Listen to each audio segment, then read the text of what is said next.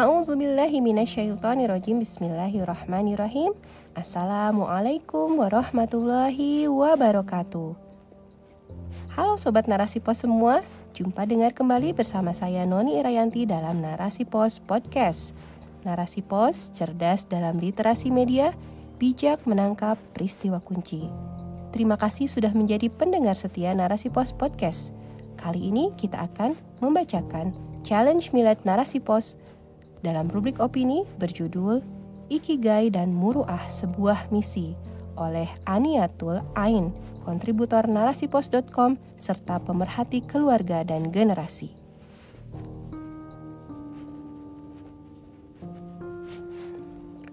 Oleh karenanya, bagi pemuda muslim sudah seharusnya ikigai dalam hidup mereka adalah menghamba kepada Allah dengan sami'na wa ata'na kami mendengar dan kami taat. Hidup pemuda muslim menjadi bernilai dan bermakna manakala dihabiskan dalam ketaatan kepada Allah Subhanahu wa taala. Selengkapnya Indonesia diprediksi akan mengalami bonus demografi. Periode puncaknya diperkirakan antara tahun 2020 sampai 2030 Hal ini berdasarkan pada rilis Badan Pusat Statistik BPS yang telah melakukan survei penduduk 2020. Dari survei tersebut, diketahui bahwa jumlah penduduk Indonesia per September 2020 sebanyak 270,20 juta jiwa atau bertambah 32,56 juta jiwa dari survei penduduk tahun 2010.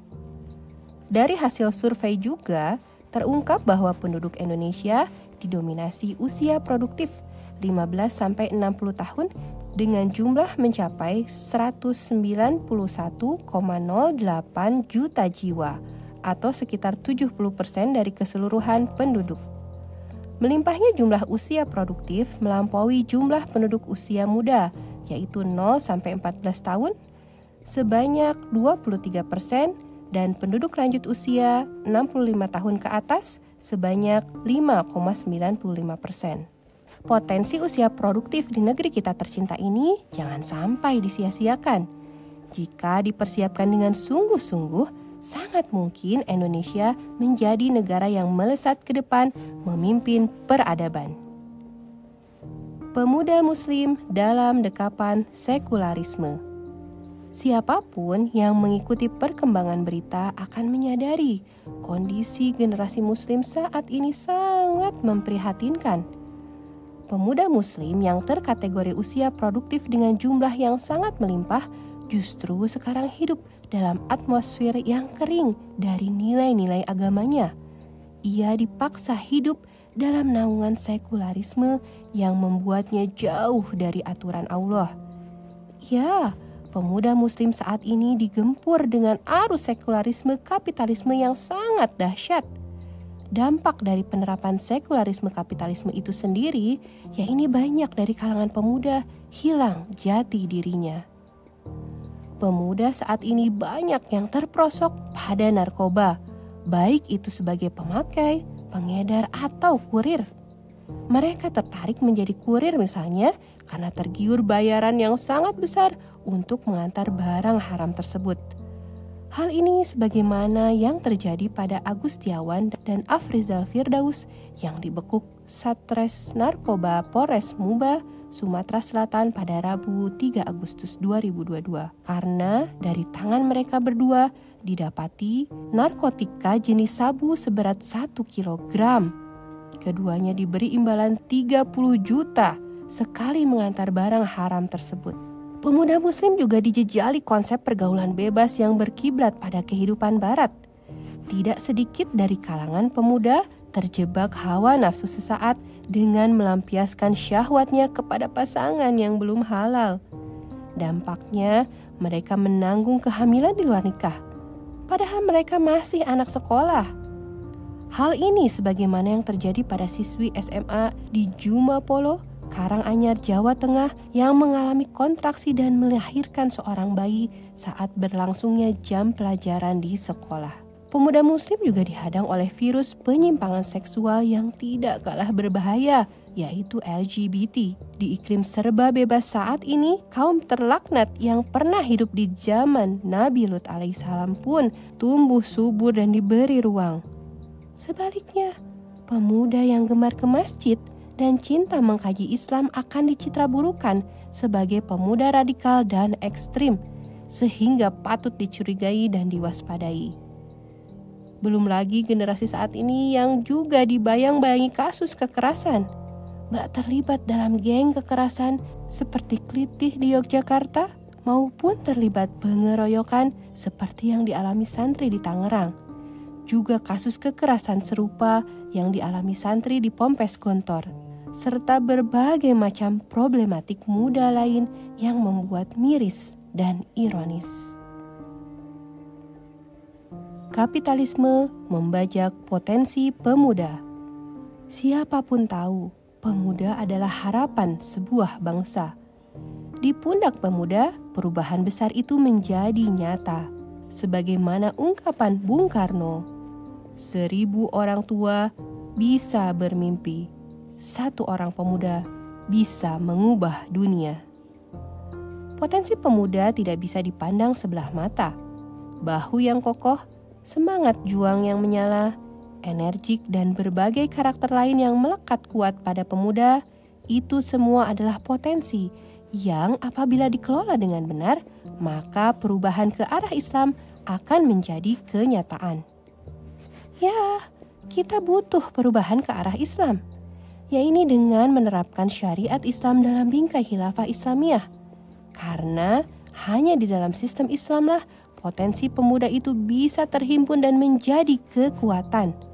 Tidak seperti sekarang, pemuda yang hidup dalam sistem sekuler kapitalis, potensi emas mereka terbajak pada hal-hal yang justru melanggar hukum syarak.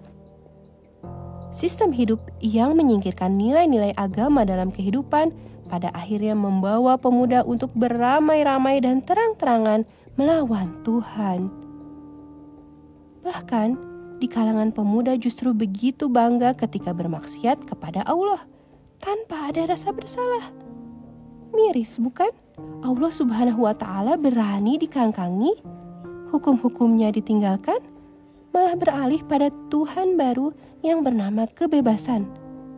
Sungguh, manusia-manusia ini sangat lancang. Ide kebebasan adalah invasi pemikiran yang dilancarkan Barat ke negeri-negeri Muslim. Akibat invasi ini, pemuda Muslim lebih memilih hidup serba bebas menuruti hawa nafsunya, ketimbang hidup yang tunduk taat pada aturan robnya. Invasi pemikiran juga menjadikan pemuda Muslim lebih senang dengan gaya hidup permisif. Ya ini memiliki paham yang membolehkan dan mengizinkan segala-galanya yaitu menghalalkan segala cara dalam meraih tujuan tertentu. Sikap demikian tentu keliru. Seharusnya generasi Muslim sebelum melakukan aktivitas apa pun diwajibkan mencari tahu dahulu ilmunya dan pandangan hukum Islam atas suatu perbuatan yang akan dilakukan, bukan malah menabrak rambu-rambu syarak, mengikuti hawa nafsu bisikan setan. Pemuda muslim yang hidup di alam sekuler kapitalis juga dibajak hidupnya agar senantiasa bersenang-senang di dunia, yaitu hedonisme. Mumpung masih muda, katanya, ketimbang memanfaatkan waktu di dunia yang singkat ini untuk mengumpulkan bekal di kehidupan setelah mati nanti. Ya, kapitalisme membajak seluruh potensi pemuda yang seharusnya masa muda mereka gunakan untuk menebar kebaikan dan menjala berbagai macam pahala dari energi mudanya. Malah dalam sistem ini, potensi pemuda diracuni dalam berbagai kerusakan seperti yang telah dijelaskan sebelumnya. Jika pembajakan kapitalisme pada potensi pemuda terus-menerus dibiarkan, maka bonus demografi yang ada di depan mata tidak akan memberi peluang kepada bangsa ini untuk bangkit dan memperbaiki keadaan. Yang dikhawatirkan, usia produktif yang jumlahnya melimpah berdasarkan survei tahun 2020 malah menjadi beban usia produktif melimpah tetapi tidak memberi manfaat kepada negeri ini. Nauzubillah. Oleh karena itu, kita semua harus bergegas mengakhiri segala bentuk kerusakan yang ada pada generasi ini dan terlibat dalam upaya perubahan ke arah sistem Islam dengan menyibukkan diri dalam aktivitas dakwah sebagaimana yang Rasulullah Shallallahu Alaihi Wasallam contohkan.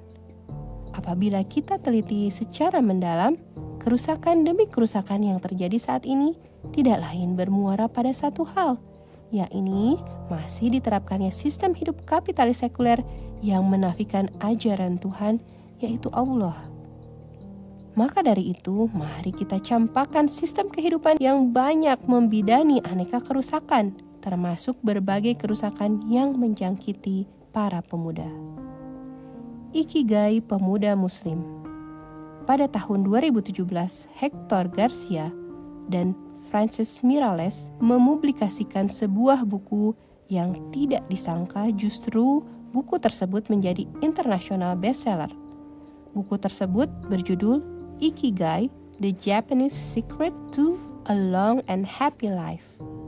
Sebuah buku yang mengulas rahasia kebahagiaan orang Jepang masyarakat Jepang percaya semakin mereka menumbuhkan ikigai dalam hidup, mereka semakin menemukan makna dalam kehidupan.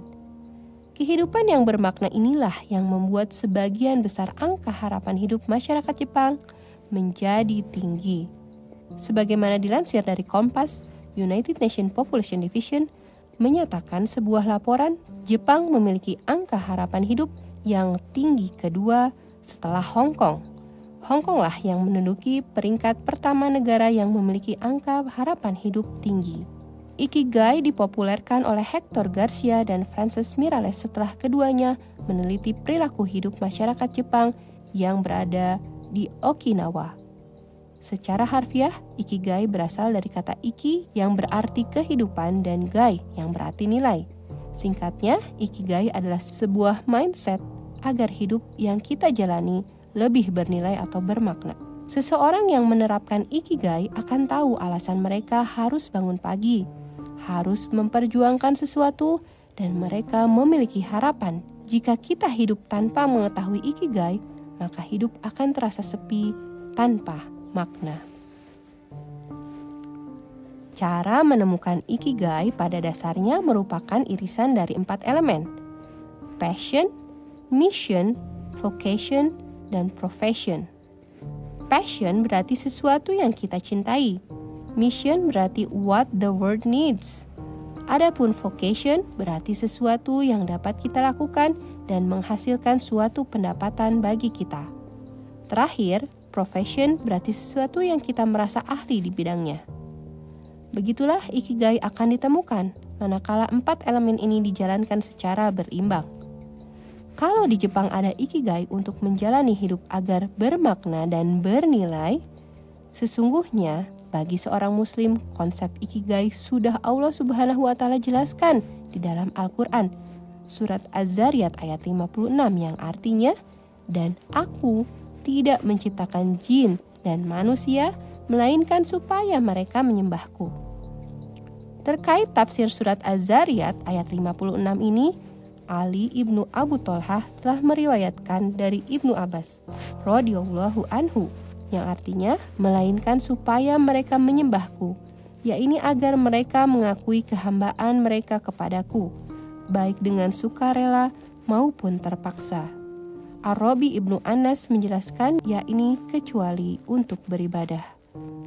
Demikianlah Allah Subhanahu wa taala telah menerangkan kepada kita Hadirnya kita di dunia hanya untuk beribadah saja kepadanya, bukan malah justru bermaksiat, tak mau taat.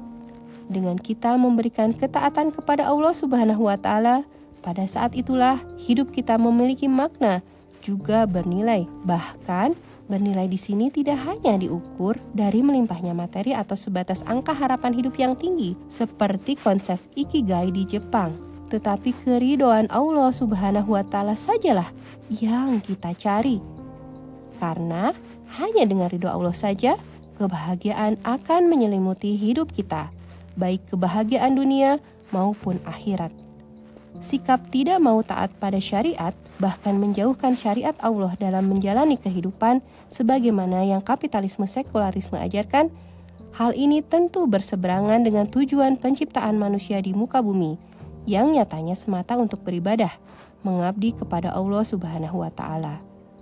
Oleh karenanya, bagi pemuda muslim, sudah saatnya ikigai dalam hidup mereka adalah menghamba kepada Allah dengan sami'na wa atokna kami mendengar dan kami taat.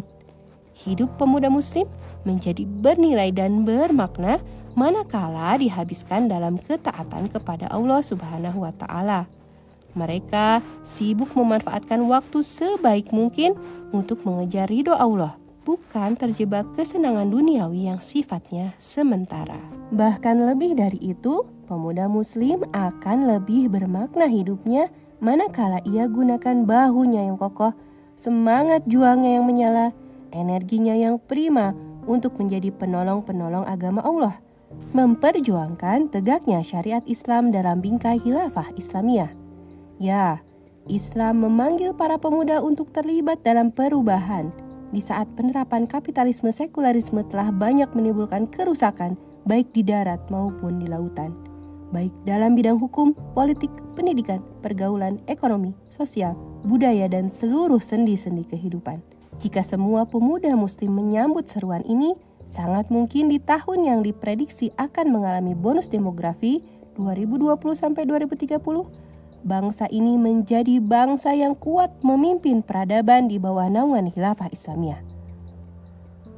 Pemuda muslim pengisi peradaban mulia.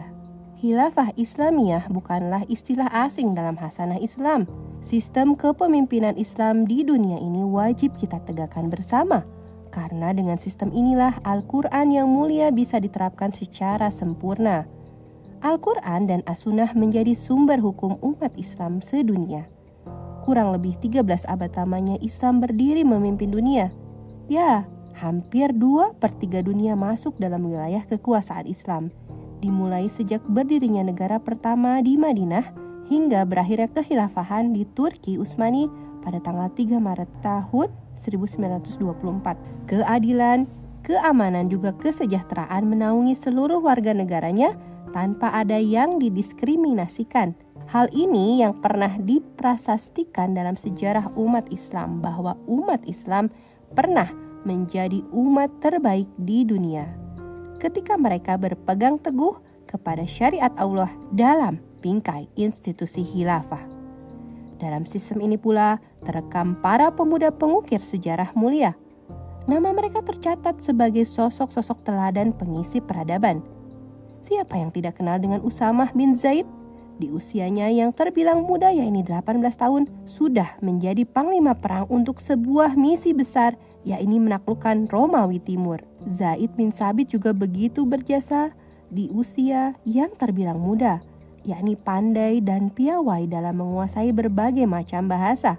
Hal demikian yang menjadikannya teramanahi untuk menulis surat Rasulullah Shallallahu Alaihi Wasallam berisi ajakan dakwah kepada Islam yang ditujukan untuk raja-raja dan penguasa dunia saat itu. Kita juga mengenal sosok Imam Syafi'i yang begitu fakih dalam urusan agama bahkan di usia belasan tahun sudah diberi legalitas berfatwa. Kita juga tidak asing dengan jasa Muhammad Al-Fatih penakluk Konstantinopel di usianya 21 tahun. Dan masih banyak lagi para pemuda yang masa mudanya didedikasikan untuk mengisi peradaban Islam. Terakhir, marilah para pemuda muslim semuanya sambutlah seruan mulia ini, seruan perubahan ke arah Islam. Ambillah peluang kemenangan dengan memanfaatkan bonus demografi di tahun yang sudah diprediksi ini. Jadikanlah hidupmu lebih bermakna dengan mengemban misi Islam yang mulia sebagai bentuk penghambaan terbaik kita, juga menjadi solusi hidup yang dibutuhkan dunia. Wallahu a'lam bishawab. Wassalamualaikum warahmatullahi wabarakatuh.